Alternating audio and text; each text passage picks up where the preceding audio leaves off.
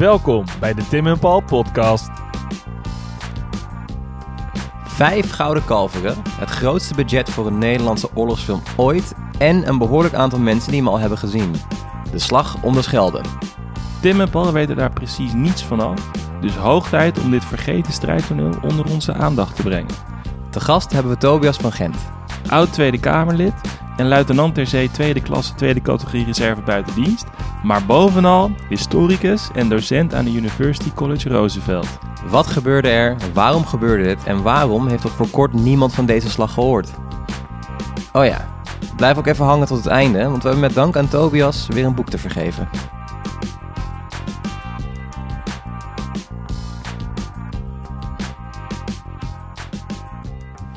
Paul. Tim. Eh, we zijn nog steeds in Middelburg, of alweer in Middelburg. Ehm, we zijn net aangekomen in Middelburg. Oh ja, dat, ja, ja, dat wordt andere volgorde. Dat. Waarom we dit zo zeggen, dat wordt duidelijk in eh, de aflevering van volgende maand. Maar we zijn net aangekomen in Middelburg, fris Ja. en fruitig. Lange reis gehad uit Amsterdam. Ja. En we zitten hier aan tafel, ah, zo, aan tafel met Tobias. Ja. Wij mogen Tobias zeggen. Er, Dr. ligt hier, Tobias van Gent. Ja. er ligt hier een kloek boekwerk voor ons. ja. Eh, en met een, een, een plaatje erop, winnaar Zeeuwse Boekenprijs 2020. We hebben niemand minder dan eh, luitenant tweede klasse buitendienst, eh, toch? Of, Luitenant ter Want, zee, de tweede klasse, jongste categorie. Koninklijke Marine Reserve buiten dienst. kijk, Tobias van Gent. Welkom. Wij ook welkom, denk ik, in Middelburg, want we zijn bij Ja, jou nee, het gast. we zijn bij jou het te is een schande dat jullie nu pas zijn. Ja, dat veel Nou, eerder we- moeten komen. Eerlijk zeggen, wij kregen een... eh, een ehm, hier werd ons aangeraden door iemand, eh, een van onze trouwe luisteraars. Ja. Die zei, goh, misschien eh, is het leuk om een keer met, eh, met meneer Van Gent te gaan, eh, gaan praten. Dus eh, zo doen Bij we. deze. Bij deze. Ehm, en we gaan het over de slag om de Schelde hebben. Natuurlijk nu bekend door de film die nu ook op Netflix komt. Eh, en Vijf gouden kalveren heeft gewonnen. dat ook. En op het moment dat we eh, dit gaan uitzenden, is het ook weer oktober. Toch? Of november. Het is november. Nu, Het is nu oktober. Het moment november. van de opname is oktober. Het moment van de uitzending is november. November. Ja. Ehm, en dat is natuurlijk ook wel een periode die met de slag om de Schelde te maken Ja. heeft. Nou ja, voor alle duidelijkheid, 15 oktober komt het dus op Netflix. Ja. Even belangrijk om ook te vermelden, ik heb dit boek niet in mijn eentje geschreven, maar samen met Hans Sakkers. En Hans is echt eh, nou de grote expert als Slag om de Schelde betreft. Geboren en getogen hier, Hans. En liep als klein jongetje al met een schepje rond om bij bunkers opgravingen te doen. ja. Ik ben slechts een badgast. Maar het klopt inderdaad, als je kijkt naar de slag om de Schelde, dan eh, was de. Nou, eigenlijk begon die slag al op 4 september met de inname van Antwerpen. ja. Maar hij duurde zo'n beetje tot eind november. Op het moment dat dan het eerste schip Antwerpen binnenkomt. En de, en de grote slag om Walger, waar het gebied waar we nu zijn, ja. die vond plaats in de eerste week van november. Oké. En je hebt het al meteen genoemd, hè? de Schelde, Antwerpen heeft er alles mee te maken. Ehm, waarom was dit zo belangrijk om te gaan doen? Nou, die, eh, eh, eigenlijk vindt het plaats binnen de hele campagne van de bevrijding van Noordwest-Europa. En dat is eigenlijk een campagne die elf maanden duurt. Die begint natuurlijk met D-Day, 6 juni. En die eindigt op 7 mei, want dan geeft de Duitsers zich over. Dus exact elf maanden. En in die elf maanden vinden dan, zegt men altijd, vier belangrijke slagen plaats. Je hebt de slag om de Mandium, je hebt de slag om Arnhem. Iedereen kent ook de slag om de Ardennen. Ja, En uiteindelijk de opmars over de Rijn. Ook wel rond, bijvoorbeeld rond de brug van Remaken. Varsity toch ook? Dat ze Eh, over, over de Rijn heen springen. Ja. En eh, wij zeggen, Hans en ik, nee, jullie vergeten een slag. En dat is die slag om de Schelde. Die behoort echt in het rijtje plaats als belangrijke slagen. ja. Vertel, waarom? Nou, waarom? Waarom is die zo belangrijk? Omdat eigenlijk zijn die geallieerden twee maanden, bijna wel drie maanden bezig om in de Mandië uit te breken. En op het moment dat ze dan eindelijk de, doorheen, door de Duitse linies heen breken, dan stort eigenlijk de hele Duitse weerstand in elkaar. Dus op 25 augustus wordt pas Parijs veroverd. En tien dagen later staan ze aan de Nederlandse grens. Dat is eigenlijk een soort Razendsnel. ja, geallieerde blitzkrieg. Ja. En het enige wat uiteindelijk die opmars doet stokken, is niet de Duitse weerstand, maar een bevoorradingsprobleem. Dat geallieerde leger was uiterst modern. Het had geen paarden, zoals de Russen en ook de Duitsers heel veel hadden. Heel veel voertuigen.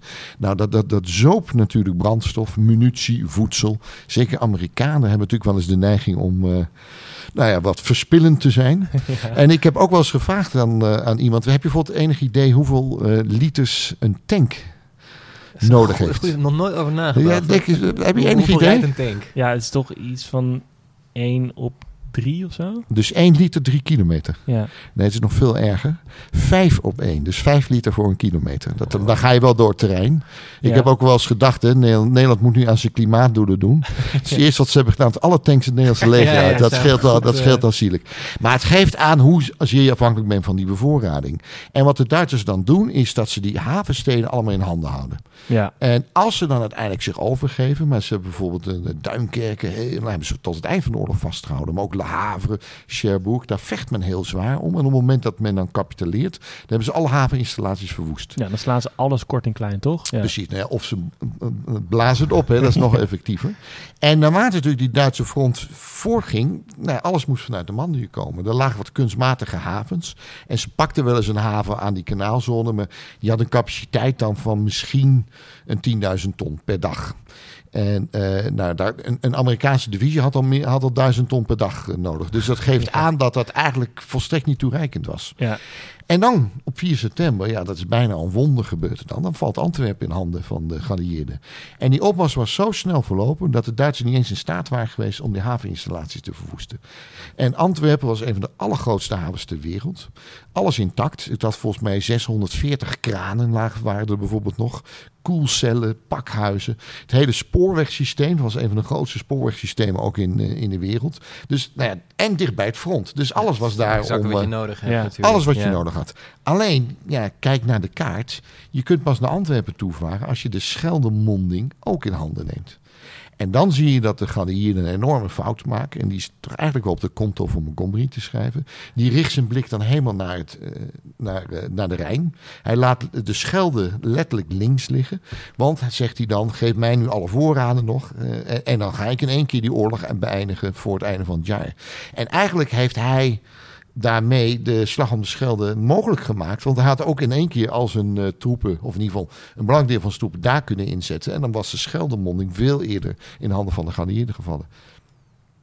Nou, we kunnen weer naar huis, Paul. Het is... eh, ja, het is nou, jij bent natuurlijk, ik kijk jou aan Tim, jij bent eh, eh, Slag om Arnhem eh, ja, expert voelde- van ons twee. ik voelde ook een kleine steek onder water. Nee, het moet, moet een grote steek zijn. Nee, nou, ik, ik vind eh, Arnhem is in zover wel overschat, als ik dat mag zeggen. nee, Kijk, zeker. Het is Ik natuurlijk een hele meer. dramatische Nee. strijd. Hè? Je gooit al die eh, drie divisies vanuit de lucht. eh, wat is het, 25.000 man. Ja. Dat, dat spreekt enorm tot de verbeelding. Maar wat, wat ik eigenlijk de misvatting vind rond Arnhem... maar je be- begeeft je een beetje op gevaarlijk gebied... want dan krijg je de wat-als geschiedenis.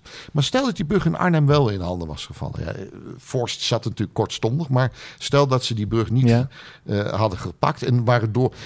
dan hadden ze vanuit daar nog steeds niet die oorlog... eh, Er was nog een brug, toch? Waar ze overheen nou ja, maar het is geloof ik nog 600 kilometer naar Berlijn. Ja, Alle bevoorradingsproblemen die ze hadden. Je wordt Dus alleen ik- maar groter natuurlijk dan ook. Precies. Ja. Dus ik, ik denk dat Arnhem zelf ook heel erg. Het wordt een soort beeld van als die ene brug, als die Nee, dan. dat is natuurlijk ook gewoon die film geweest, denk ik. Het is, het is, is een super filmische premisse dat daar nog een paar van die parachutisten aan de overkant van de Rijn zaten, wachtend op het, op, op het grondoffensief. Die al lang had moeten komen. Maar de lang net, net niet gelukt. En ze hebben zich eigenlijk doodgevochten. He- heroïscher kan niet. En dan heb je die gekke Engelsen die eigenlijk alle grote mislukkingen eh, herdenken. De Charge of the Light Brigade noem ik altijd in hetzelfde rijtje. Ehm, dus daar zijn we het wel denk ik over eens. En ik vind het ook altijd best wel interessant om te zien dat in de opmars naartoe, zeg maar, er een soort verschil was tussen de Amerikanen en de Engelsen, toch? De Amerikanen wilden eigenlijk via een veel breder... ja, dat was front- Eisenhower of het Precies. breed front. Ja, en een soort van laten we gewoon maar met ons surplus aan eigenlijk alles wat we meer hebben, gewoon maar de boel oprollen. En Montgomery wilde gewoon toch eigenlijk... De eer voor zichzelf. Ja, en gewoon een mooiere operatie, misschien galanter. En, Nou, je ziet dat hij zijn zin doordrijft. Het is ook wel heel grappig om te kijken. Je hebt dan natuurlijk eh, Montgomery die de eh Maarschalk, hij was net Maarschalk geworden. En, maar die kreeg plotseling een Amerikaanse viersterren-generaal boven zich. Eigenlijk laag in rang, hè, want de Amerikanen hebben ook nog een vijfsterren-generaal. En dat was Eisenhower. En Montgomery vond het helemaal niks. Want die zei, ja, ik ben al sinds 39 tegen die Duitsers aan het vechten. En ik heb El Alamein en ik heb precies. Syrië. En dan krijg ik een soort bureaugeneraal die nog nooit niks heeft gepresteerd. En die moet mij gaan vertellen hoe we Duitsland gaan verslaan. Je ziet ook een heel mooi karakterverschil. Montgomery was een zoon van de dominee. En Eisenhower was een zoon van de kruidenier. Dus Montgomery had ook een beetje dat bedweterige en eh, ook het arrogante. Eh, terwijl Eisenhower, ja, als kruidenier wil je spulletjes verkopen, Ja. dus die was heel minzaam. Ja. En die probeerde ook heel erg samen te werken, heel diplomatiek. Ik heb ook al eens gezegd van dat is dan ook de ideale eigenschap om Amerikaans president te worden. En dat is hij natuurlijk ook gaan doen in 53. Alleen sinds Trump heb ik al begrepen dat dat, dat toch niet altijd eh, is wat je nodig hebt. Maar hij drijft zijn zin dan door bij Eisenhower. Ja. Ja, en dat is eigenlijk al eh, een van de eerste grote fouten die wordt gemaakt ten opzichte van de slag om de Schelde. Want de Duitse verdediging was totaal nog niet eh, intact op het moment dat Antwerpen viel. En dan zie je het Dus merkwaardig. je zegt, zegt eigenlijk als op dat moment, eh, toen An- Antwerpen viel, doorgestoten waren. Hadden ze alleen maar 25 kilometer naar Berg op Zoom, dan hadden ze Zeeland afgesneden.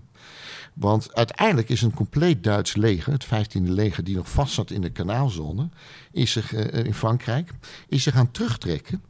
En die kon uiteindelijk de Westerschelde oversteken en kon via Zeeland alsnog ontsnappen. En zou zijn 85.000 man, 600 stukken geschut en 6000 voertuigen eigenlijk onder de neus van de geallieerden in veiligheid gebracht. Dit leger was eigenlijk al opgegeven.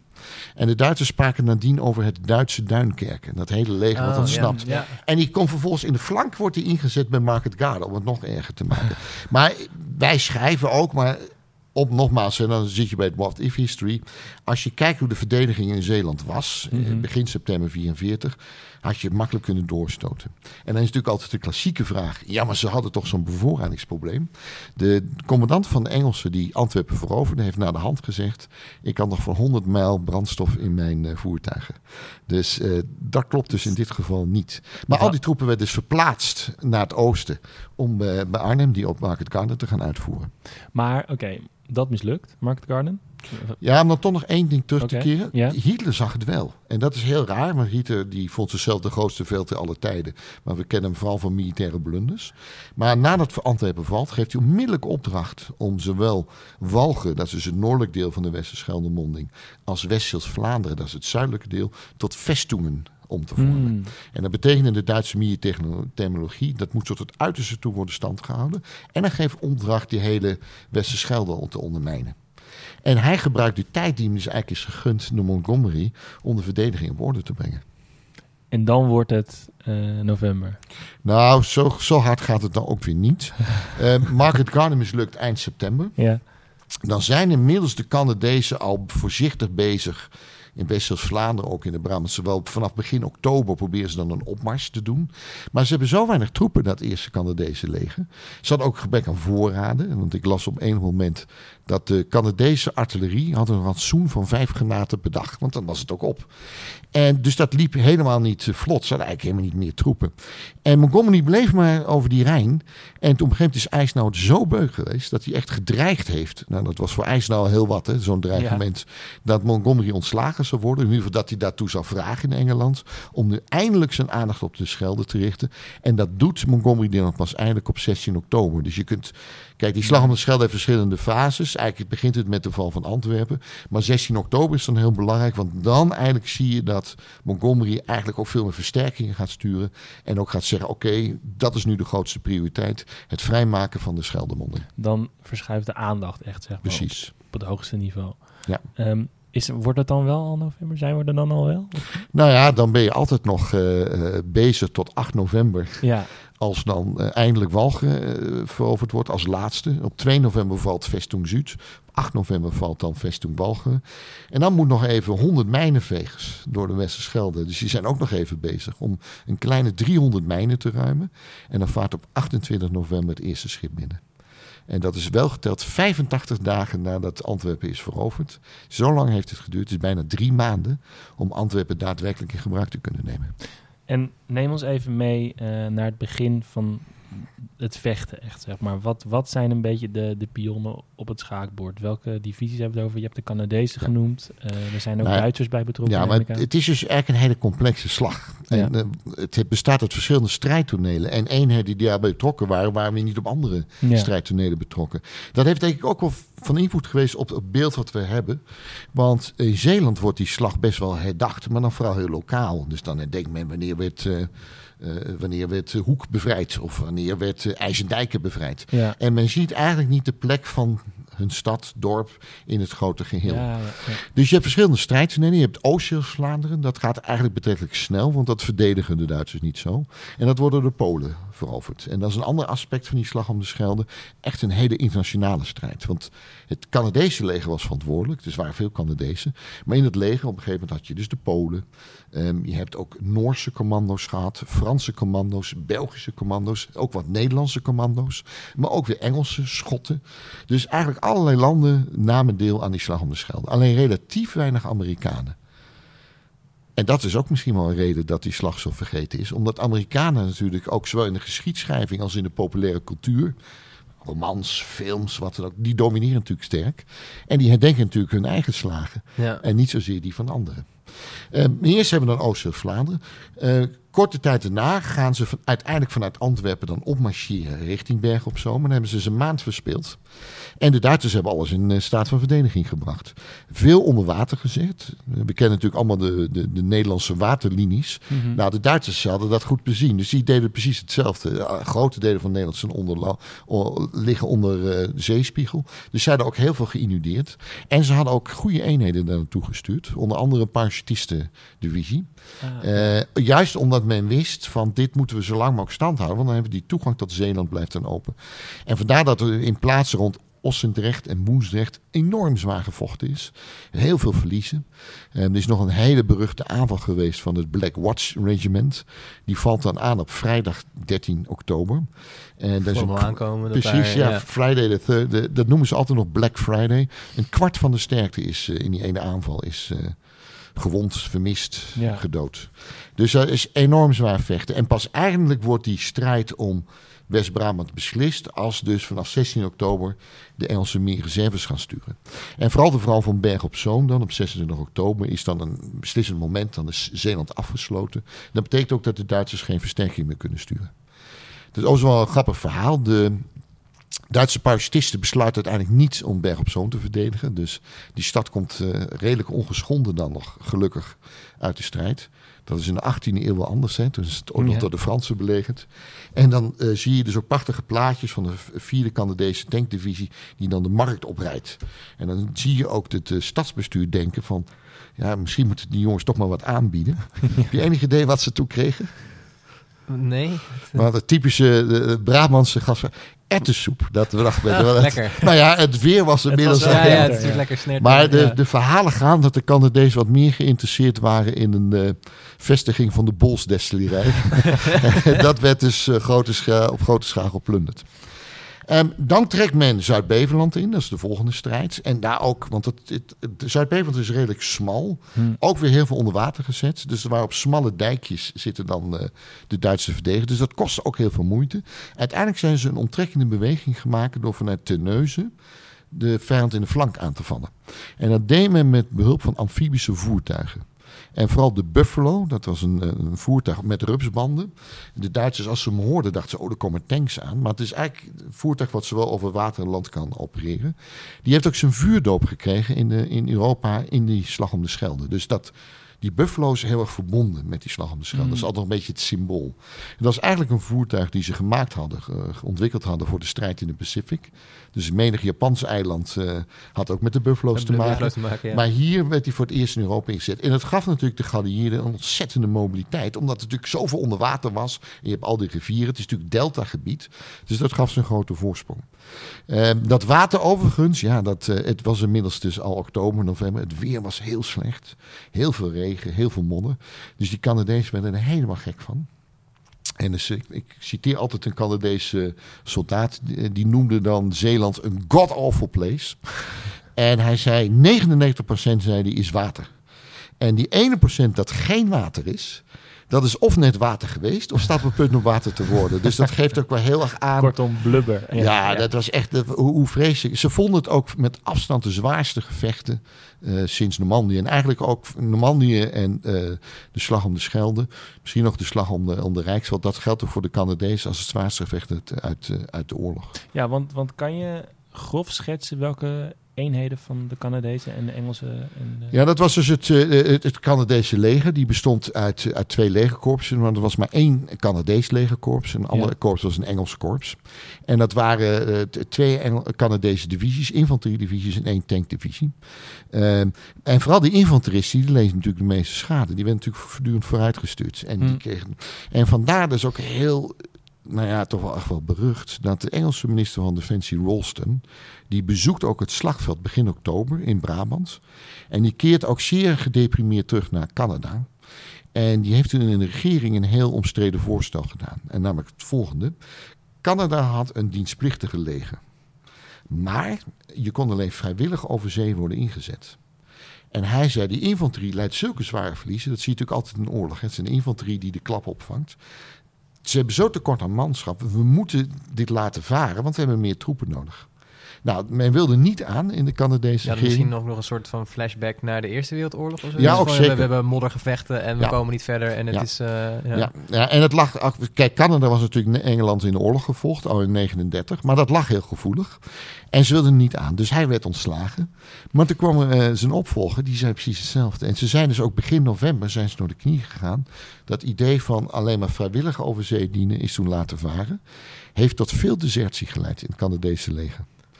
Eh, sommigen zegt ook wel van de Frans-Canadezen. Is niet helemaal fair, want er waren ook Frans-Canadese eenheden, ook in Zeeland. Maar voor een hoop jongens was dat echt, nou ja, een Ik kan brug me te er ver. Ik kan me wel voorstellen, toch? voorstellen. Ja. Ja. En, maar die, eh, die, die, die Canadese, nou ja, de, ook de, de, de verliezen die ze leiden, leidt er ook toe dat bijvoorbeeld dan in Vestum Zuid, dat is eigenlijk het vierde strijdtoneel, eh, daar wordt het zwaarst om gevochten. Die strijd die duurt meer dan een maand. En er is ook nergens in de hele Tweede Wereldoorlog een Duitse Vestum die zo lang heeft stand gehouden als daar. En, en waar zat dat hem dan in? Was dat de kwaliteit van de Duitse troepen? Dat Was zat een aantal onder. A, die Canadezen die nog natuurlijk heel erg onderbezet waren in eerste instantie. Ook weer goed gebruik maken van het terrein. Veel onder water gezet. Maar daar zat ook inderdaad een hele goede divisie. De 64e divisie. Die bestond vooral uit Oostfront veteranen. Hmm. Ehm, vaak waren die Oostfront-veteranen bijvoorbeeld op verlof of op ziekte. ziekte. En op het moment dat het dan eh, eh, moeilijk werd, werden dat, dat soort lui bijeengeveegd. En dan eh, nou ja, na- naar het westen gestuurd of waar ook een eh, probleem was. Maar het waren ervaren soldaten onder een goed eh, bevelhebber, Ebening. Eh, gold ook als een zeer bekwaam schaker. En we schrijven ook in het boek als een soort schaakmeester zat hij zijn pionnen over het bord te verdelen. Dus het was heel lastig om daar door te dringen. En wat je dan ziet, wat de Canadezen dus doen, is ehm, heel erg eh, eh, wat eigenlijk de geallieerden overal doen. En het is ook niet zozeer een verwijt, maar wel een, een vaststelling. Op het moment dat je op tegenstand stuit, en je wilt toch al niet je verliezen beperken, dan roep je de hulp in van artillerie en luchtmacht. Ja. Want daar had men heel veel eh, overwicht in. De Duitsers hadden vrijwel geen luchtmacht meer, maar ook qua artillerie. En je ziet dus ook dat daar de schade zo enorm is. Tegenwoordig noemen we dat collateral damage, Ja. nevenschade. Nou, als je die alles pad gegooid. En, ja, en er zijn echt verhalen, bijvoorbeeld het stadje Sluis, een prachtig middeleeuws stadje met een heel oude Hm. Eh, stadskern, oud, oud stadhuis, Belfort zelfs nog. Ja. Nou, dat werd gebombardeerd eh, begin oktober, omdat er Duitsers in vermoed werden dat die in het stadje zouden zitten. Meer dan 60 doden, geen enkele Duitser, alleen maar burgers. En eh, dit heet ook wel in de, in de historiografie brute force. En het was Ja. ook, bij Montgomery werd het letterlijk gezegd in de staf. Eh, eh, don't waste, eh, let metal do the work rather than flesh. Dus laat het metaal het werk Ja. doen in plaats van het vlees. En don't waste life, waste ammunition. En dat zie je dus wat er gebeurt in. Maar is, is dat ook misschien mijn militaire historische kennis niet helemaal eh, dat, op het niveau van jullie natuurlijk, maar is het ook sowieso niet vanuit Engeland dat ze daar geen enkel probleem hebben om Dresden bijvoorbeeld Ja. te bombarderen en dat het sowieso burgerbevolking, ja, vervelend, Hè? Ja. maar we zijn hier voor iets, eh, voor iets groters. Je ziet ook dat de Russen dat doen. Maar je moet het ook wel heel erg verplaatsen. Kijk, nu zitten we er heel anders naar te kijken. Maar als je nu een brug zou willen bombarderen, dan stuur je er een drone of op. Of desnoods een kruisraket, één vliegtuig. Eh, als je toen iets wilde bombarderen, ja, dan, eh, dan gooi je een tapijtbombardement af. ja, want, want zeg maar precisiebombardement is Dat ook iets... Nee. De Canadezen hebben het eigenlijk in Breskes, dat is een plaatsje in West- in, in West-Vlaanderen, hebben ze dus onderzocht na de strijd. Hoeveel van onze granaten zijn binnen een eh 100 vierkante yard van het doel gevallen? En het antwoord bleek te zijn 5%. Wauw, ja. En dat, dat geeft dus. Ik, ik, ik las ook ergens dat er 80.000 granaten zijn afgevuurd alleen al in West-Vlaanderen. Dat is idioot, ja. Nou ja, maar nogmaals, je moet ook een beetje oppassen dat je met je, met, met Nee, die tuurlijk, moraal van nu daarnaar En, kijkt. en natuurlijk is, kan je ook, je wil ook niet weten hoeveel er verschoten is in Normandië, toch? Aan dit soort dingen. Maar dan nog is het wel heel veel. En ik ben dan wel ook wel getriggerd naar dat concept, of door dat concept vesting, vestung, wat je zei. Hoe moet ik dat voor me zien op het moment dat dat deel van, van, van Zeeland vesting is geworden? Is het dan echt dat er een soort muur wordt opgetrokken? Zitten er dan overal sluipschutters in elke boom of zo? Hoe moet... Nee, dat het, het, is meer een, het, is, het, is, het is meer een concept waarmee je tot uitdrukking brengt dat het tot uiterste moet worden verdedigd. Maar dat wil niet zeggen dat je plotseling eh, allerlei versterking krijgt of wat dan ook. Alleen waar je verder natuurlijk wel ziet dat de Duitsers zich wel eens tactisch konden terugtrekken. Of inderdaad iets zouden kunnen opgeven omdat nou ja, de, dat de front dan korter zou worden, wat dan ook. Dat was dus daar eh, ten strengte verboden. En het feit dat die 64e divisie daar wordt achtergelaten, want het behoorde eigenlijk tot het 15e leger. Maar blijven jullie maar hier om de achterhoede te dekken. Oh, ja, ja. Dat, zegt, dat zegt ook wel wat. En je moet ook kunnen, kunnen, kun- je kunt ook zien dat zowel in Walcheren, maar dat geldt ook wel voor West-Vlaanderen, er heel veel Atlantikwal lag. Ah, ja. Dus daar lagen ook wel qua bunkers en fortificaties lagen wel het een en ander. Maar het stond, niet, stond wel de verkeerde kant op. Ja, maar dat wordt vaak gedacht. Maar niet? eh, eh, dat, zelfs bij de kanonnen van Singapore, hè, dat de Japanners kwamen vanuit de jungle in de rug. De Atlantikwal had uiteraard wel geschut op zee gericht. Maar het Mhm. waren allemaal stellingen met ook een verdediging in de rug. En vaak stond ook artillerie bijvoorbeeld eh, nog weer in het zuiden daarvan opgesteld. Dus En er je waren, kon ook dingen draaien natuurlijk. nou ja, Of- niet altijd. Maar eh, vaak, vaak had men wel rekening gehouden. Ja. Dus ook met dat een kustbatterij bijvoorbeeld vanuit de rug kon worden aangevallen. Ja. Dus dat was wel degelijk versterkt. Ja. Het was dus ook niet zo dat vanaf 4 september Hitler kon zeggen... nou gaan we allemaal bunkers bouwen. Dus het was natuurlijk wat er toen al lag. Al, ja. Ja, maar er lag wel het een en ander. Maar wel het opdracht van luister tot het uiterste stand houden. Niet overgeven. Nou ja, dat dan heeft, is het wel handig als je een paar Oostfront-veteranen daar... eh, goed, niet zomaar... En, en ik Ja. bekwaam eh, generaal. Dus Ebening heeft dus ook heel lang stand gehouden. Hij geeft ze pas uiteindelijk over op 2 november eh, in, in Knokken. En dan geeft dan zijn adjudant, hè, als, als generaal heb je natuurlijk een adjudant, opdracht om ook zijn schaakspullen in te pakken. Ja. Want hij vermoedde dat hij wel enige tijd zal hebben de komende maanden, jaar, om zich vooral met schaken te kunnen bezighouden.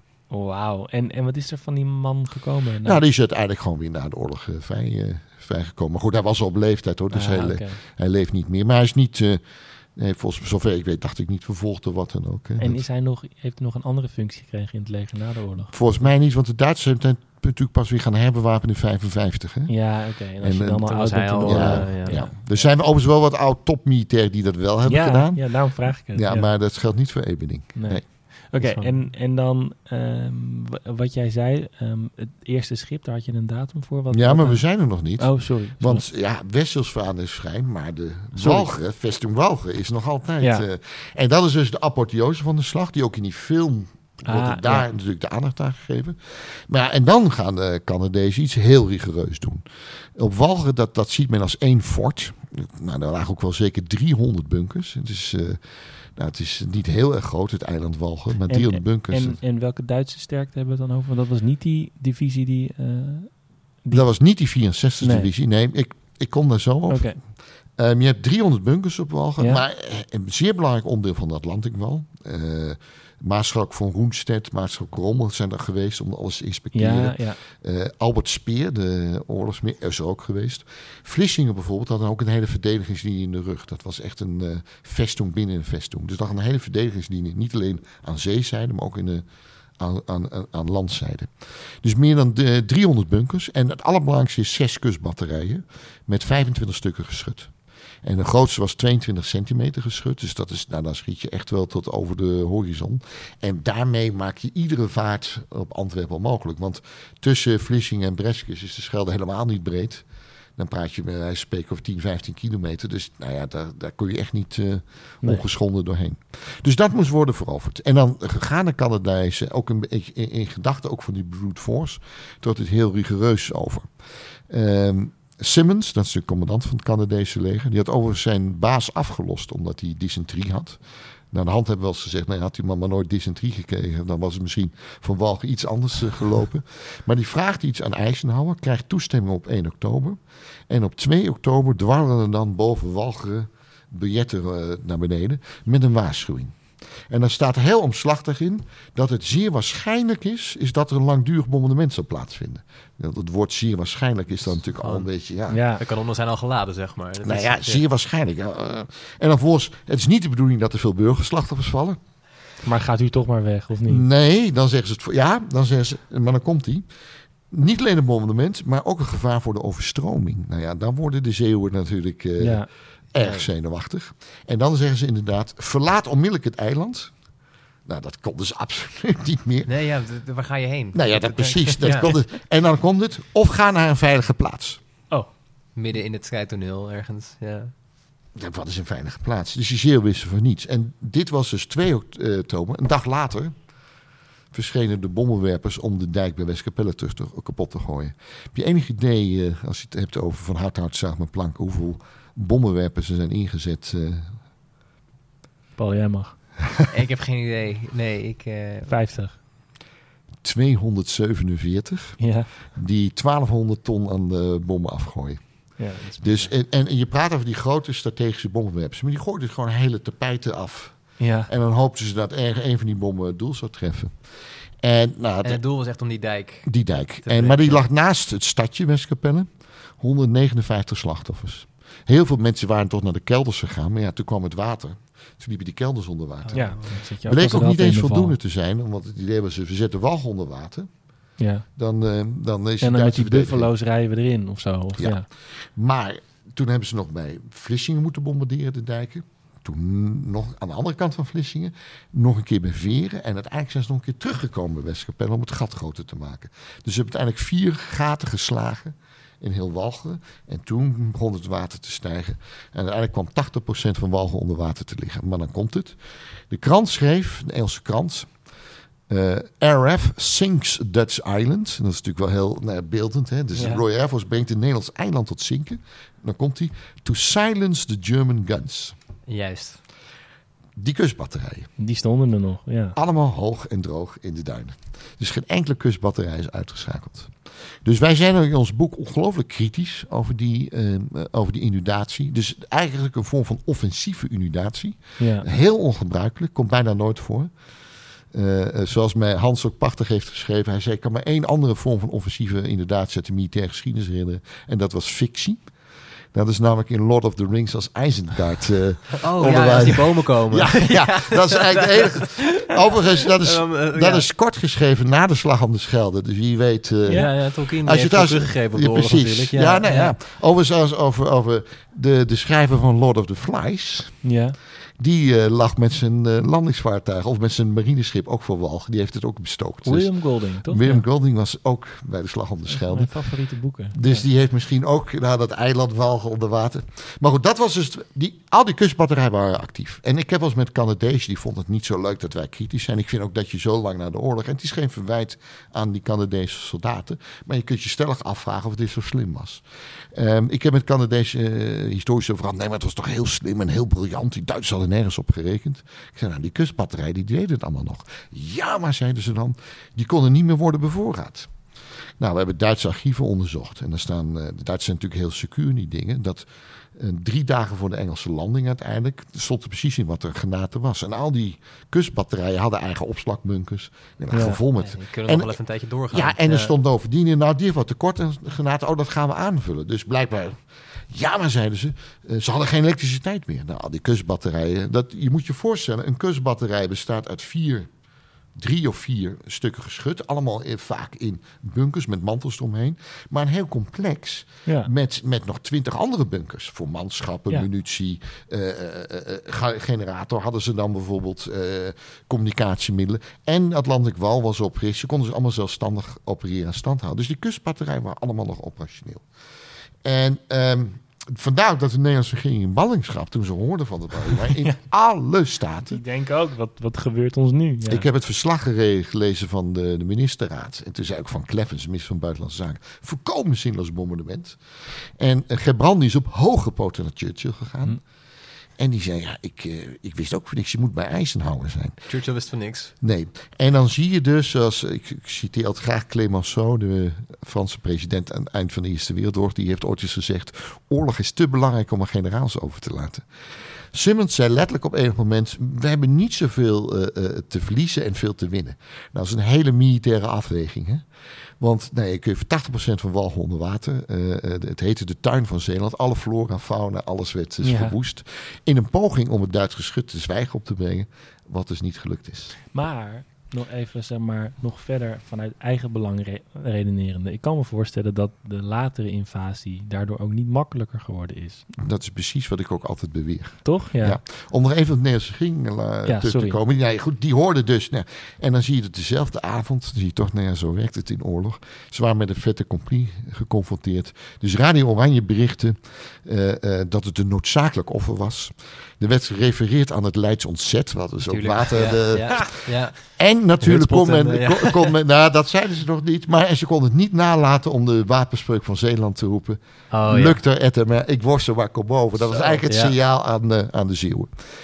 Ehm, vervolgens hebben de Canadezen gezegd van ja, ja, kwamen dus ook wel achter die kustbatterij zijn nog. Toen hebben ze aan de Bomber Command, dat was dus de strategische luchtmacht van de geallieerde Eh, oppervel, eh, hebben ze 33 doelen op Walger aangegeven. Die moesten worden aangevallen.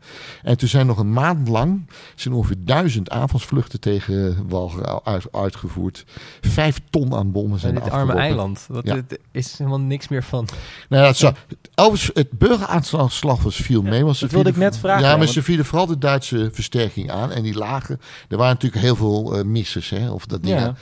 Ja. Eh, het water steeg ook langzaam. Dus mensen konden wel reageren op. eh, Ja, oké. Eh, de- Ze zaten niet allemaal in een, in een kelder terwijl het water precies. kwam. Dat was dus wel Meskapel, op andere plaatsen niet. Maar bijvoorbeeld. Heel beroemd is dat op 26 oktober, dat was drie dagen voor men uiteindelijk een landing ging uitvoeren, nog een heel rijtje kustbatterijen onder vuur neemt. En dan wordt bijvoorbeeld batterij Dishoek, een van de sterkste batterij, wordt door, wordt door iets van 60 bommenwerpers aangevallen. Eh, en af, eh, strategische bommenwerpers. Hè. Dus dan praat je dus, nou ja, zo'n zo'n Lancaster, die Ja, gooit die- gauw 10 bommen af. Echt die dus hele grote, die gooit toch? gewoon 600 bommen Ja, af, bij wijze ja. van spreken. En dan wordt er gekeken, eh, nou, wat is de schade? Eén kanon uitgeschakeld. Kijk, heb je dat dan? Nee, Ja. door het zand wat was opgesprongen. Dus een dagje scheppen en toen was het weer. Uiteindelijk zijn van de 25 eh, kustbatterijen zijn er twee met een toevalstreffer zijn er toen uitgeschakeld. Dus Maar dit, is toch wel vaker, want ik het is heel vaak als ik dingen lees over, en of nou in de Eerste Wereldoorlog is of de Tweede Wereldoorlog, als, als er dan een, eh, een bombardement of nou artillerie is, of dat het eh, vanuit de schepen komt of vanuit de lucht, als er mensen stellingen gaan aanvallen en bunkers gaan aanvallen, dat werkt eigenlijk niet zo goed, toch? Die zijn, die zijn daarvoor gebouwd om daar tegen te kunnen. Ja, maar men zegt wel dat wat wel effectief kan zijn, is dat je het moreel wordt natuurlijk geknakt. Ja. Maar dan moet je binnen 24 uur aanvallen. Dat is ook het verhaal, want dan herstelt het zich weer. Dat is ook nog een van de laatste argumenten die dan wordt gebruikt. Dan zeggen ze van ja, maar die Duitse moreel, alles om dat. Duits moreel was. eh. Alleen, het volgende deed zich voor. De divisie die eh Walger was verdedigd, was de 70ste divisie. En die 70ste divisie was al ingezet in eh, Belgisch-Vlaanderen. Was ook al ingezet in, eh, in Zuid-Beverland. En de commandant, Dazer, die was ook commandant van heel vesting Walger. Die zei van eigenlijk was de divisie al opgebrand bij die gevechten. En dat was ook een hele rare eenheid. Want die Duitsers hadden zo'n tekort aan manschap aan het eind van de oorlog... dat ze ook afgekeurd in dienst gingen nemen. En ik, ik heb ooit eens gelezen een bataljon Doven. Dat is op een gegeven moment nog in dienst. Ik vermoed bij de Duitse artillerie. Maar de divisie, die 70 divisie, die gold als de Magen-division. Dat was een div- met mensen met ernstige maagklachten. En die, nou ja, die eigenlijk niet dienstwaardig. Maar goed, dan, hebben het manschap, dan doen we ze bij elkaar. Want dan konden ze een aangepast dieet krijgen. Dus een andere bijnaam van deze divisie was de Witte Broodsdivisie. En er werd ook letterlijk was er tegen ze gezegd van ja, ga maar naar Nederland, het is lekker rustig. Was ook zo, hè, voor de Duitsers gold Nederland als Ja, een prettige... Vakantie. eh, ja. Nou, dat gaat wel wat ver, Ja. maar je had niet zo last van eh eh, guerrilla's, terroristen, wat dan ook. En bovendien werd gezegd, het eten is goed in, in, in, in Nederland. Nou ja, het is natuurlijk heel veel agrarische. Dus om nou te zeggen, dat schrijft ook een Canadees eh, rapport, dat was toch niet bepaald Hitlers elite-eenheid die hier... eh, en Nee. dat blijkt uiteindelijk uit de strijd ook wel, dat die eenheid niet zoveel weerstand heeft geboden. Maar goed, dan is het onder water, maar dan is het dus nog niet uitgeschakeld. En dan krijg je dus de boots on the ground. En dat is de operatie op 1 november begint. Dan vinden de twee, eigenlijk wordt het eiland van drie kanten aangevallen. Vanuit het zuiden landen de troepen bij eh Vlissingen. Eh, op 1 november. En die doen dat eigenlijk slim, want die steken over bij Breskus. Dat is een kort stukje varen. En die landen eigenlijk in de vroege ochtend al. En voordat de Duitsers iets doorhebben, hebben ze dan al een... Maar eh, waarom is dat slim? Gewoon pure tijd. onder, ja, onder dekking van de nacht. Ja, precies. En die Duitsers hebben dat eigenlijk amper doorgehad. Dus voor, het, ze stonden al in het centrum van Vlissingen toen een beetje die weerstand op gang kwam. Eh, het heeft nog wel twee dagen straatgevechten geduurd. Hm. Die Duitsers zaten bijvoorbeeld in de kranen van eh, de Schelde, hè, de beroemde Ja. scheepsbouwer. En ze hadden ook als onderdeel van het landing wel een enorm fort gebouwd in Hotel Britannica. En dat was prachtig, een beetje naar een soort miniatuur koerhuis. Nou, je snapt dat dat het eind van de strijd eh weinig Er van is over weinig was. van over, ja. In Vlissingen is gezegd dat toen eindelijk Vlissingen bevrijd was, dat er één huis ongeschonden de oorlog is doorgekomen. Dus er was maar één huis zonder oorlogsschade. Een paar uur later landen ze bij Westkapelle. En dat deed men heel anders op klaarlichte dag. Want die troepen kwamen helemaal vanuit Oostende. En de marine had gezegd bij de Britten van, nou ja, beetje licht is wel handig, want dan krijg je een botsing van schepen. Ja, moet je wel wat kunnen zien. ja. Precies. En wat je eigenlijk ziet bij Westkapelle, de, de, de Royal Marines, die eh, vieren dit nog altijd even een grote wapenfeit. Hè? Dus een militaire eenheid heeft vaak een vaandel. Engelse toch? Engelse ja, Royal Marines, Engelse Royal ja. Marines. Commando's Royal Marines. En die hebben in een vaandel ook de En dat staat dus ook Westkapelle. En er komen ook regelmatig ook nog, eh, nog ook nieuwe eenheden nu van de Marines komen daar kijken. Dus van nou, hier hebben we toch onze, nou ja, onze mannen vanuit onze Ja. eenheid gestreden. Ehm, het is eigenlijk een tweede D-Day. Want het is een landing oh, vanuit de zee, een frontale aanval op de Atlantic. Dat is nergens anders gebeurd, behalve dus Ja, op D-Day ja. en hier. Nu was er één verschil tussen D-Day en eh Westkapelle. Bij D-Day waren de meeste kustbatterijen uitgeschakeld. En hier was, ja, van de zes batterijen konden er zeker vijf konden de stranden van Westkapelle bestrijken. Dus er was een ondersteunende vloot van een kleine dertigtal schepen. Die ook die aanval eh moest ondersteunen. Die moest ook dicht aan de kust varen. Je had geschud om die. Ja, ja. Van die dertig schepen zijn er tien tot zinken gebracht en negen zwaar beschadigd. Dat is echt, een- nou ja, Die idioten. ze noemen dat eigenlijk de grote succes van de Duitse kustartillerie.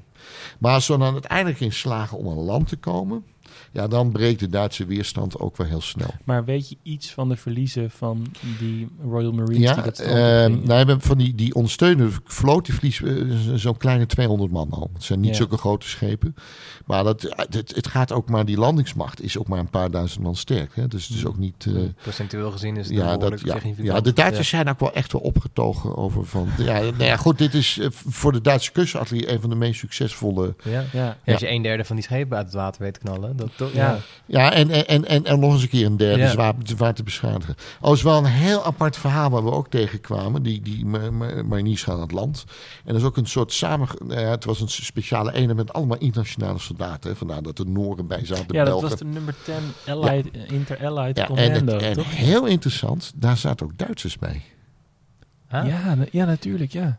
Nou ja, natuurlijk. Dat, ja, dat, dat waren Joodse vluchtelingen. Vooral uit, eh, ook wel uit de omliggende gebieden van Duitsland. Die nog voor de oorlog naar daar Ja. Engeland waren te komen. Die heel graag wilden vechten tegen de Duitsers.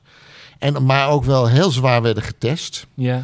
En uiteindelijk, en ze zagen ook wat voordeel van in. Want die kon natuurlijk bij ondervragingen was dat natuurlijk ideaal. Hè? Die spraken natuurlijk vloeiend Duits. ja.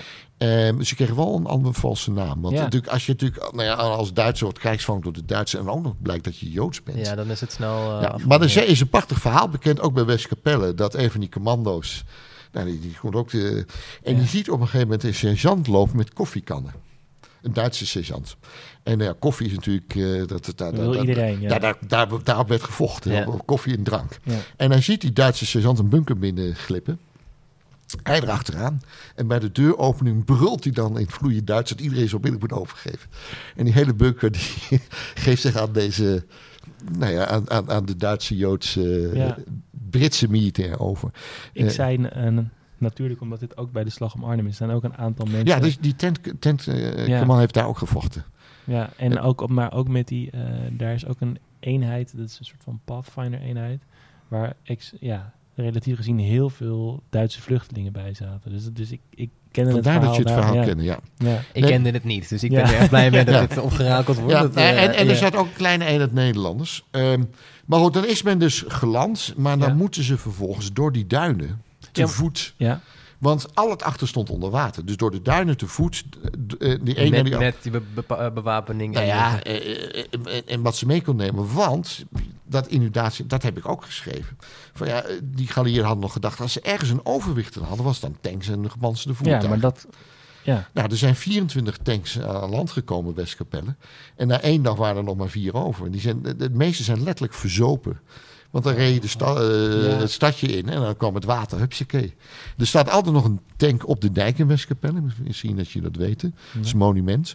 Nou, die, is, eh, die heeft tien jaar lang in een zijstraatje na de oorlog gestaan in Westkapelle. En toen heeft de, de, de, de burgemeester gezegd... Nou, je moet hem toch maar eens weggaan, op de dijk zetten als monument. Maar dat was een tank wat die letterlijk was verdronken. Nadat hij aan land was gekomen. De Duitsers hadden ook vrijwel geen antitankwapens, dat weten we ook. Die Duitse eenheid was ook als 70ste divisie, had het meeste zware materieel elders al verloren.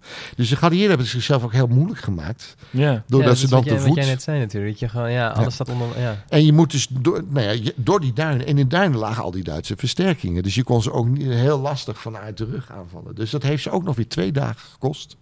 En vooral bij batterij Dishoek weer. Dat was de laatste batterij die dan de geallieerde handen valt. Daar wordt nog heel zwaar om gevochten. Eh, en daar zijn ook nog wel aardig wat eh, verliezen geleden. Dan heb je tot slot nog een derde aanval. En dat is, die komt dan uit Zuid-Beveland. En die gaat over de Sloedam. En dat is in de film Ja. dus ook een belangrijke scène. Daar gaan de Canadezen over. Want je moet je voorstellen, de, het is, Walg is altijd een eiland geweest. Totdat in 1870 een dam is gebouwd voor de aanleg van de spoorlijn. Hm. Vandaar dat jullie nu... Anders had je, met, drie, eh, anders had je ja. met drie bootjes naar eh Walgen Ja. moeten Dat komen. is wel leuker geweest. Eh, dat, dat op zich wel. Maar die dam is 800 meter eh, lang, 40 meter breed, zonder enige dekking. En die Canadezen zijn er letterlijk drie keer overheen gegaan. De eerste keer halverwege. De hadden overigens een gat erin geslagen. Dat was ook in de film. Dus ze konden ook niet met voertuigen erover. Ze moesten Hmm. te voet.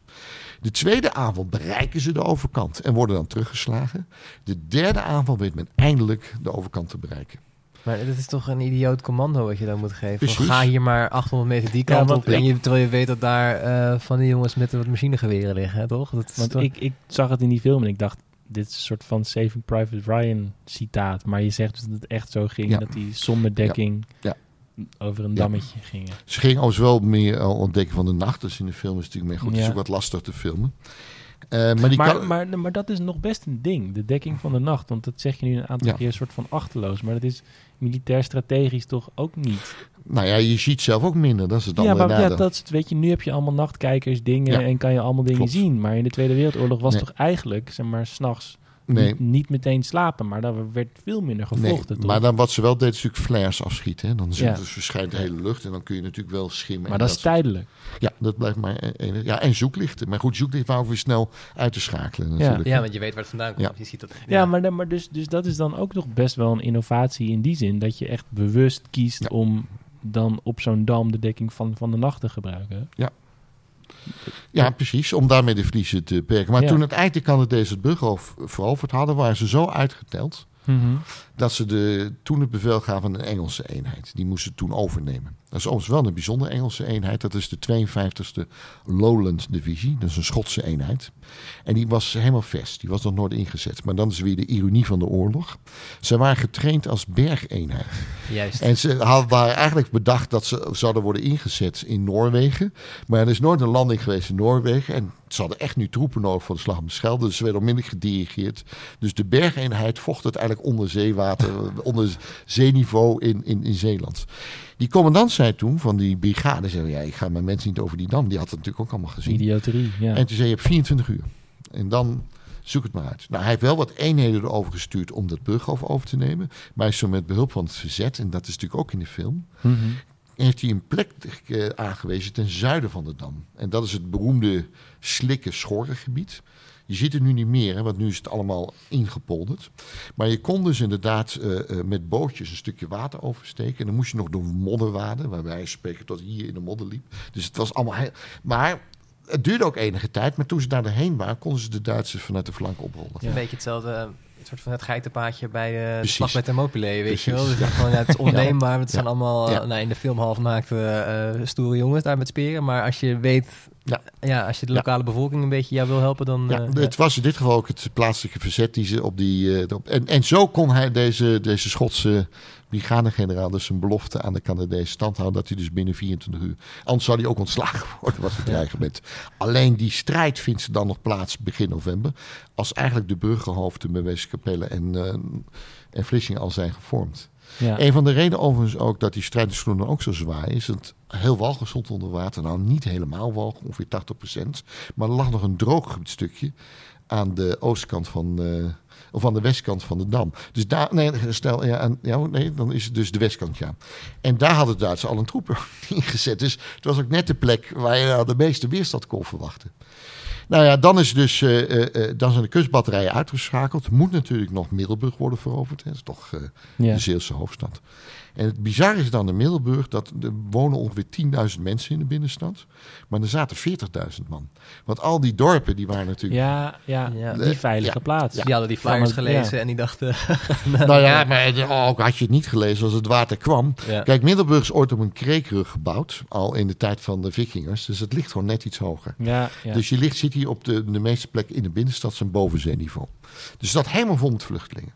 Nou, ik, ik zei al dat die Canadezen ook qua luchtmacht, maar ook qua artillerie. Ze, de Canadezen hadden zelf nog een slagschip eh, gevraagd van de Royal Navy. Die lag dus buiten de kust van Walgen. 38 centimeter geschud. Boem, boem, boem. Om die Duitsers maar murf te beuken. En die hele stad zat vol vluchtelingen. Dus nou, dat verzet in Middelburg werd het ook helemaal beu. Want ja, de, eh, er vallen toch ook wel slachtoffers. En op een moment was een uh, ze radioode ook naar de Engelsen van... Hou eens op met dat. eh, En op een gegeven moment is toen de plaatselijke chirurg van, eh, dat is altijd ja, na de oorlog tot ereburg van Middelburg gemaakt. Die was het zo, zo beu. Die heeft een kano gepakt.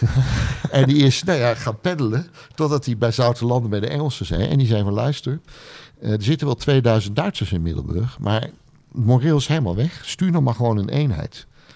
Dan gaan ze zich wel overgeven. En dan worden er, ik meen iets van 12 buffalo's eh, gestuurd, of 13. Eentje strand onderweg, die liep op een mijn.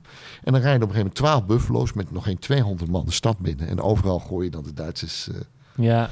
Is dit dit ook weer een soort van... Ik neem- maak net een vergelijking met eh, eh, die Spartanen. Maar dit doet me ook denken aan... een- Misschien zijn jullie bekend het verhaal van Jan Koppelstok. In de 16e eeuw tijdens de... Geen idee. Nee, oké, misschien een gek zijpaadje, maar watergeuzen en Spanjaarden. En dan komt er dus iemand vanuit, ehm, vanuit Zeeland en die zegt dan... joh, die Spanjaarden die hier zitten, die hebben helemaal geen zin om te vechten. Stuur maar wat geuzen die kant op en dan wordt het zeg maar de boel bevrijd hier. Het is een beetje hetzelfde... is, er- is dat de ontzet van Leiden? Nee, nee, dit is echt in, dit is gebeurd in de Schelde. Oké. Ja, Jan Koppelstok. Ik ja ga er is een straat naar in. Amsterdam, vandaar dat ik Ja, het, want eh, eh, je- wat ik, eh, de, de Zeeuwen hebben Leiden ontzet. Hè? Dat waren, waren de Zeeuwen die... eh, admiraal van Boisseau was admiraal van Zeeland. Die heeft Leiden ontzet. Maar goed, dat is ook weer Ja, een ander Ja, ook een zijstap, ja. Maar, Maar, ehm, ehm, Mid- ja, en ja, nog even, Middelburg waren we, ja. Ja, wa- wat ook wel heel grappig is, is, eh, dus, dus dan, nou, ze rijden ook de, de dam op. Daar is het Duitse hoofdkwartier. Dus binnen no time staan er 2000 Duitse gevangenen. Met, met, met, met nog geen 200. En ondertussen horen ze dan dat het weer verslechtert. Dus ze hebben daar de hele nacht gestaan. Versterking kwam pas de volgende ochtend. Dus het was nogal... Maar goed, ze denken laten we die generaal Dazen... Als die zich nou overgeeft, dan zijn we binnen. Dus een, eh, een, een kapitein stormt naar binnen. En die eist van Dazen, je gaat je nu overgeven. En het enige wat Dazen doet, is hij kijkt naar zijn schouders. Ja, maar wacht even, je bent kapitein en ik ben, eh, ik ben generaal. Ja. Dat gaat niet gebeuren. Nou, toch een probleem. Dus hij loopt naar buiten.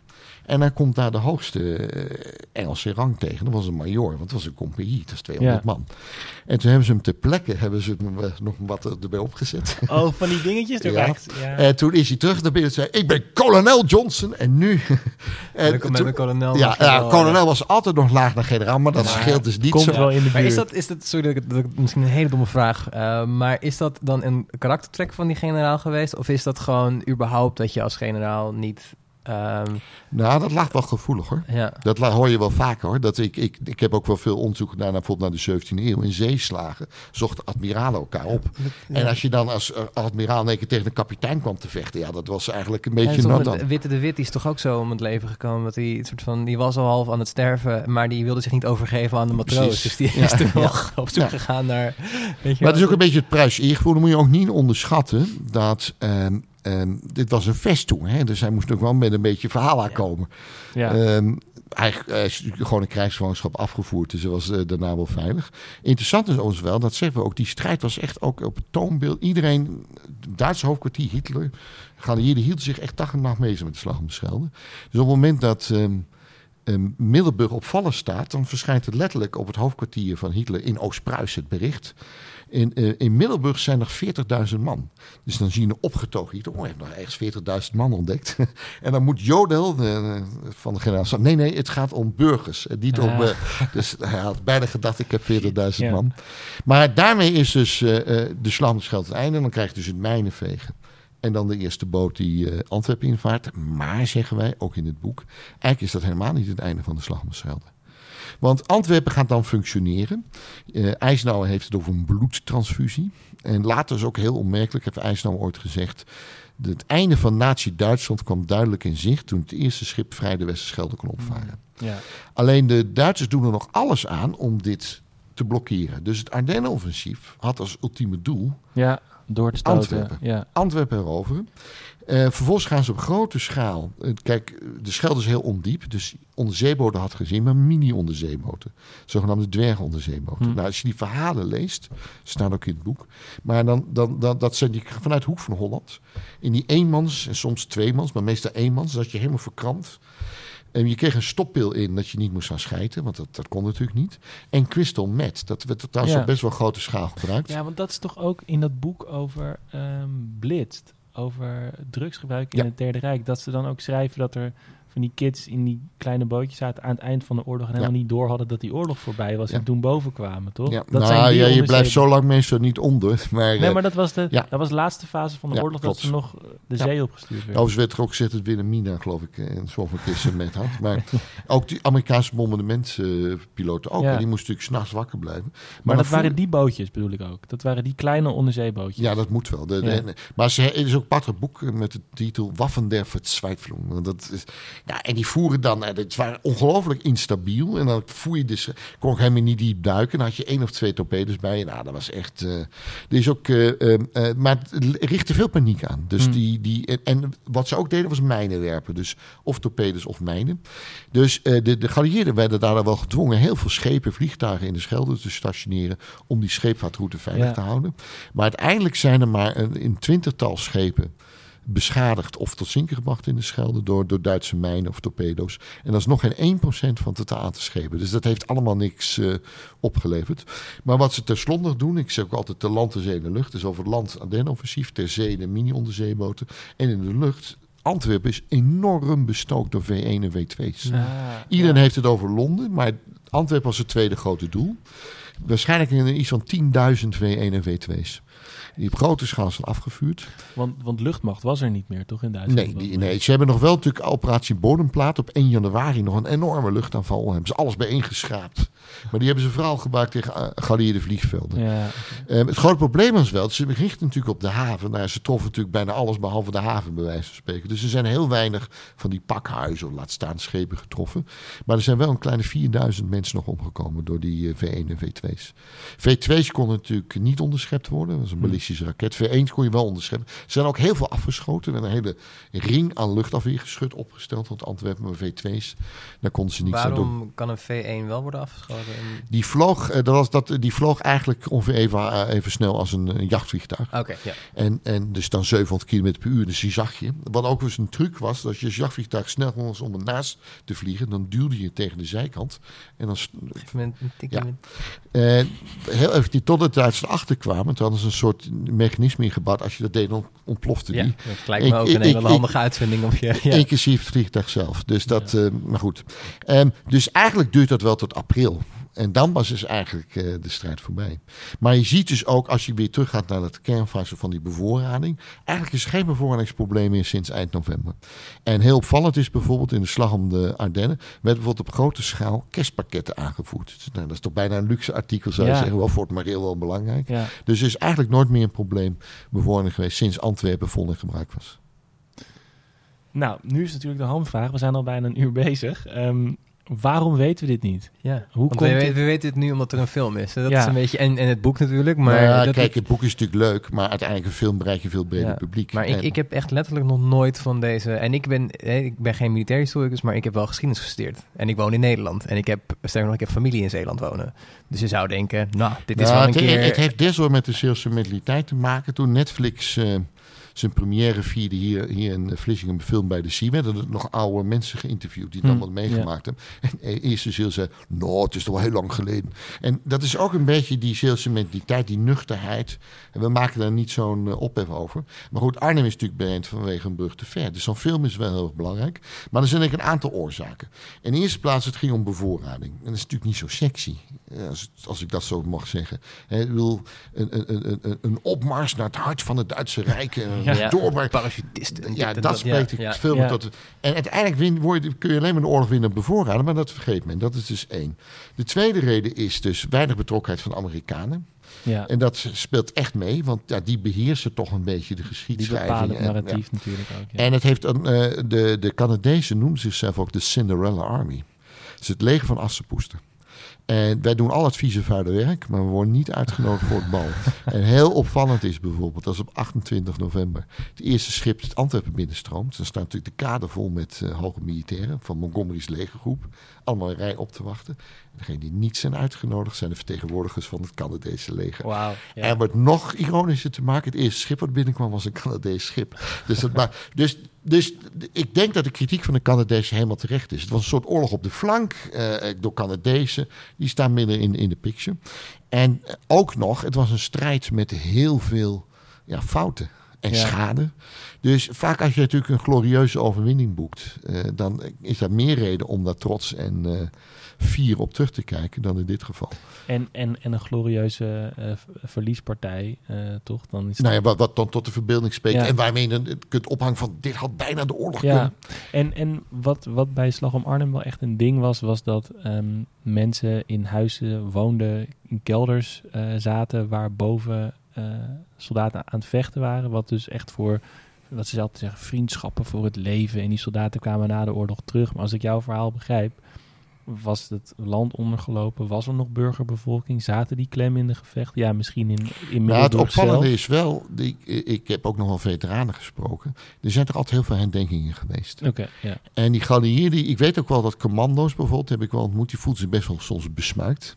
ja. Maar die werden altijd allerhartigst ontvangen. Ik heb wel eens gehoord dat bijvoorbeeld in Frankrijk, bij een paar van die havensteden, die ook nog eens eventjes flink eh, gebombardeerd werden, met heel veel burgerslachtoffers eh, tot gevolg, die, daar waren uh, geallieerde vertegenwoordigers niet welkom ik, op kan me, ja, ik kan me toch Ja. heel goed voorstellen, toch? Ik bedoel, je, Ja.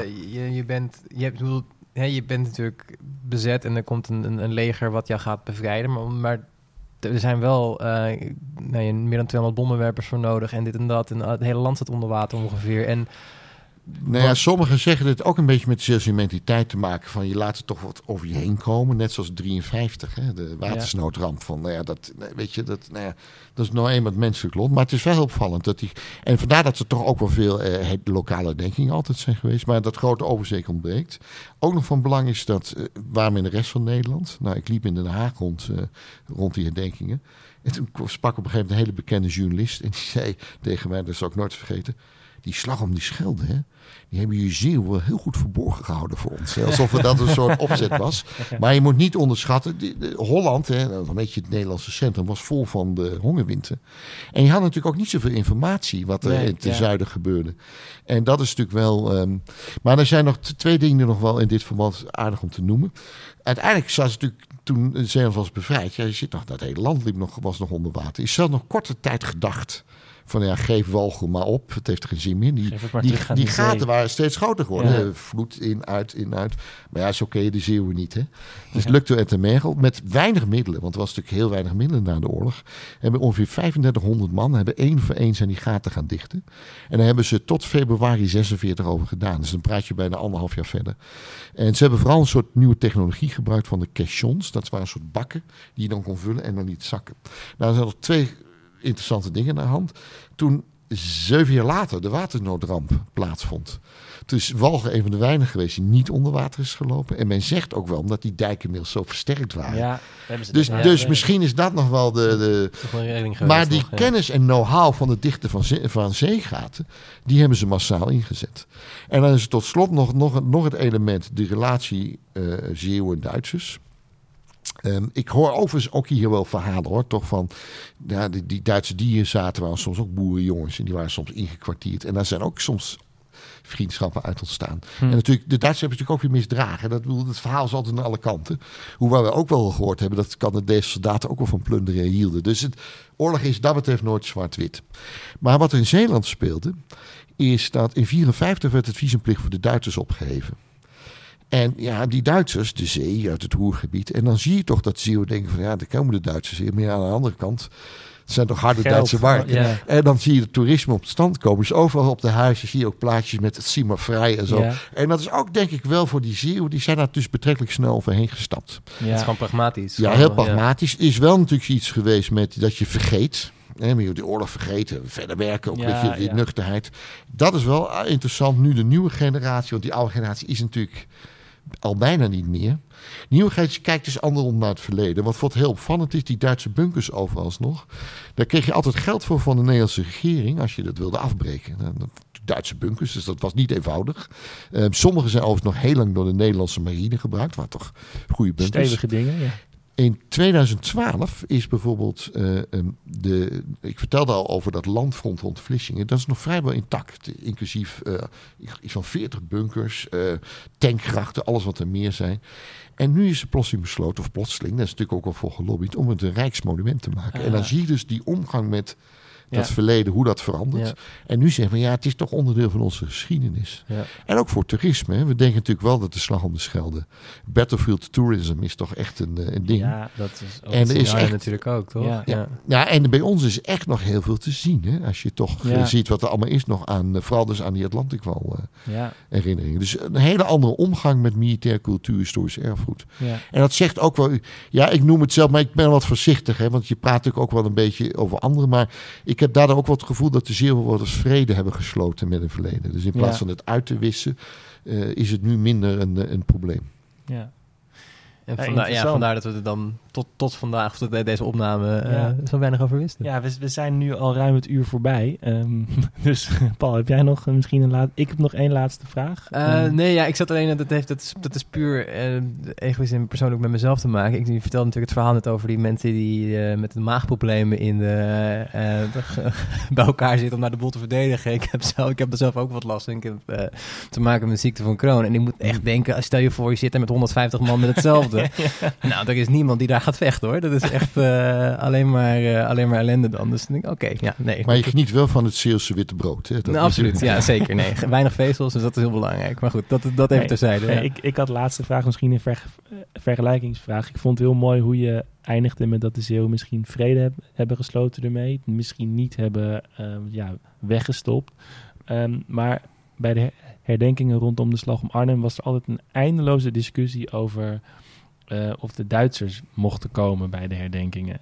En ehm, ik zat daar zelf, heb ik dat voor mezelf een beetje verklaard, om of in de zin dat, dat ik denk dat eh, daar eh, het zo bijna was dat mensen bevrijd werden, dus wel samen in een kelder hebben gezeten met Engelse soldaten, dat die mensen echt op een voetstuk geplaatst zijn en dat daar binnen die herdenking en bi- binnen dat gevoel die Duitsers niet echt een plaats konden krijgen, ook omdat daar toch grotendeels de Waffe SS gevochten had.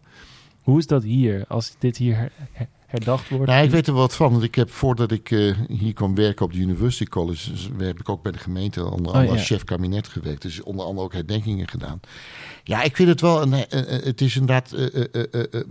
die, je merkt aan veteranen, naarmate ze ouder worden, zeker aan het eind van het leven, willen ze dat nog een keer herbeleven. Vandaar dat veteranen ook toch graag komen en dan ook een familie meenemen. Ja, hè? Want, ja. En je, dat, bedoel, dat, dat zie je natuurlijk. Hè? Van, het is toch voor hun een van de diepte, maar misschien tegelijkertijd ook hoogtepunt in het leven geweest. Hè? Dat het heel gevaarlijk, enerverend, maar dat Ja. kameraadschap. En Duitse veteranen hebben die behoefte natuurlijk ook. Die zat eigenlijk ook wat liefst met... eh, Kameraden van ja, toen. nou, ja. dat wordt dus nooit georganiseerd. Ik heb wel eens begrepen van mensen die hier bijvoorbeeld kleine museumpjes hadden, dat er wel eens Duitse toeristen waren en dat iemand was heel voorzichtig zegt, maar ik ben hier eerder geweest. En dan kwam er toch een heel verhaal tevoorschijn. Hmm. Maar het is nooit, er is hier wel eens over nagedacht, maar toen Ja. is er heel snel vanuit de Engelse veteranen gezegd. Als je dat doet, dan wij eh, komen wij niet meer. Maar het is bij Engelse veteranen zo lastig. De, de, je hebt dus meer commando-eenheden gehad. En je had er twee, de 47 en 48, die hebben ook rivaliteit, onder andere in de Slag om de Schelde overgehouden. Het schijnt wel eens lastig te zijn als ze bij elkaar in de bus zaten. Kon dat al. eh. dus Ja.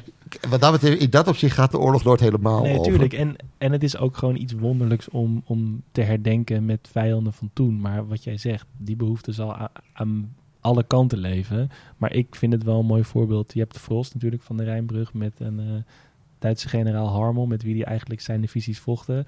Of ja, zijn, eh, wat was het, bataljon tegen die divisie. En die zijn na de oorlog vrienden geworden. Die gingen gewoon met elkaar uit eten en vrouwen erbij. Weet je, reuze leuk. En Nou, uiteindelijk is het natuurlijk wel iets wat ze samen bindt. Hè? Op het Ja. moment dat je toch. Je hebt natuurlijk, en dat is ook. Veteranen ook altijd heel moeilijk mee om te kunnen vertellen wat ze beleven. Want vaak denk je toch, ja, dat zijn snappen we toch die snappen het Ja. niet en je moet alles uitleggen.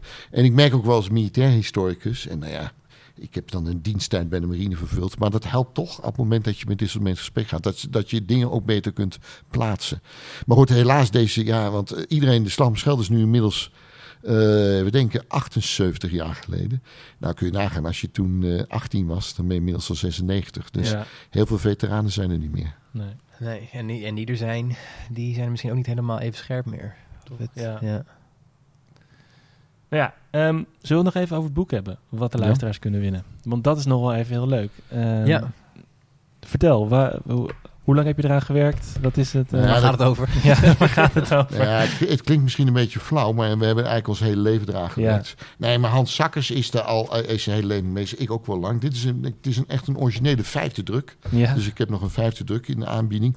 Maar het is dus een heel overzichtwerk eh, over de Slag om de Schelde. Eh, uiteraard moet je in grote stappen door, eh, door de geschiedenis heen. Want ieder hoofdstuk daar kan je al een apart boek over schrijven. ja, Maar we hebben echt een, een, een, brede publiekspublicatie willen maken. Met veel afbeeldingen, maar ook met ooggetuigenverslagen. En vooral ook aandacht, want dat vind je vaak in militaire boeken. eh, vind ik persoonlijk wel eens wat minder. Het is vaak zo van één kant. Hè. Het is Ja. of wat de geallieerden, heel soms de Duitsers. Daar is al vaak wat minder over geschreven. Maar hier hebben we echt de drie kanten, wat je natuurlijk ook in de film nadrukkelijk hebt.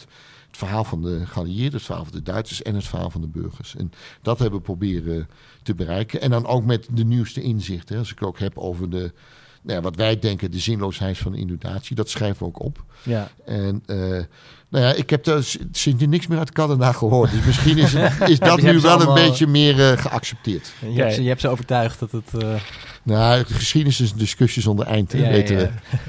Oké, thanks. Eh, wij gaan hem verloten onder de luisteraars. Wij gaan in, Hoe wij dat gaan doen, dat gaan we nog even bedenken. in de outro hoor je... eh, Nou, eerst kun je hem zelf nog lezen. hè. Precies, we, we, Ja. we, we- we zitten voorlopig nog even in de trein. Ja. Thanks, Dojas. Bedankt. Ja, heel erg bedankt voor het, eh, voor het verhaal. Aan je, aan, je, aan je lippen gehangen. Dat is fantastisch. Dankjewel. Belofte maakt schuld. We hebben weer eens iets te verloten. En niet zomaar iets, maar een gesigneerd exemplaar van het boek De Slag om de Schelde van Tobias van Gent en Hans Sakkers. Hoe kan je dit nou winnen? Eigenlijk heel simpel. Stuur een mailtje naar winnen.geschiedenispodcast.nl winnen.geschiedenispodcast.nl met de titel Slag om de Schelde. Leg ons in dat mailtje even kort uit waarom er wel of geen Duitsers bij de herdenking zouden moeten zijn. En wie weet win je het boek.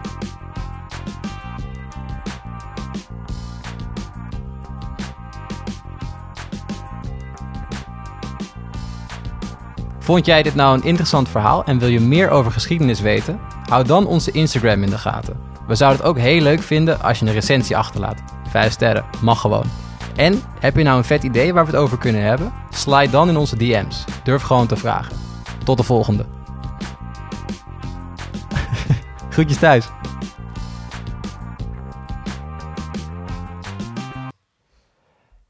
Je luisterde naar de Tim en Paul Geschiedenis Podcast. Een onafhankelijke podcast gemaakt door Paul de Jong en Tim Steefkerk. Muziek door Mart Jenninga. Alle rechten voorbehouden.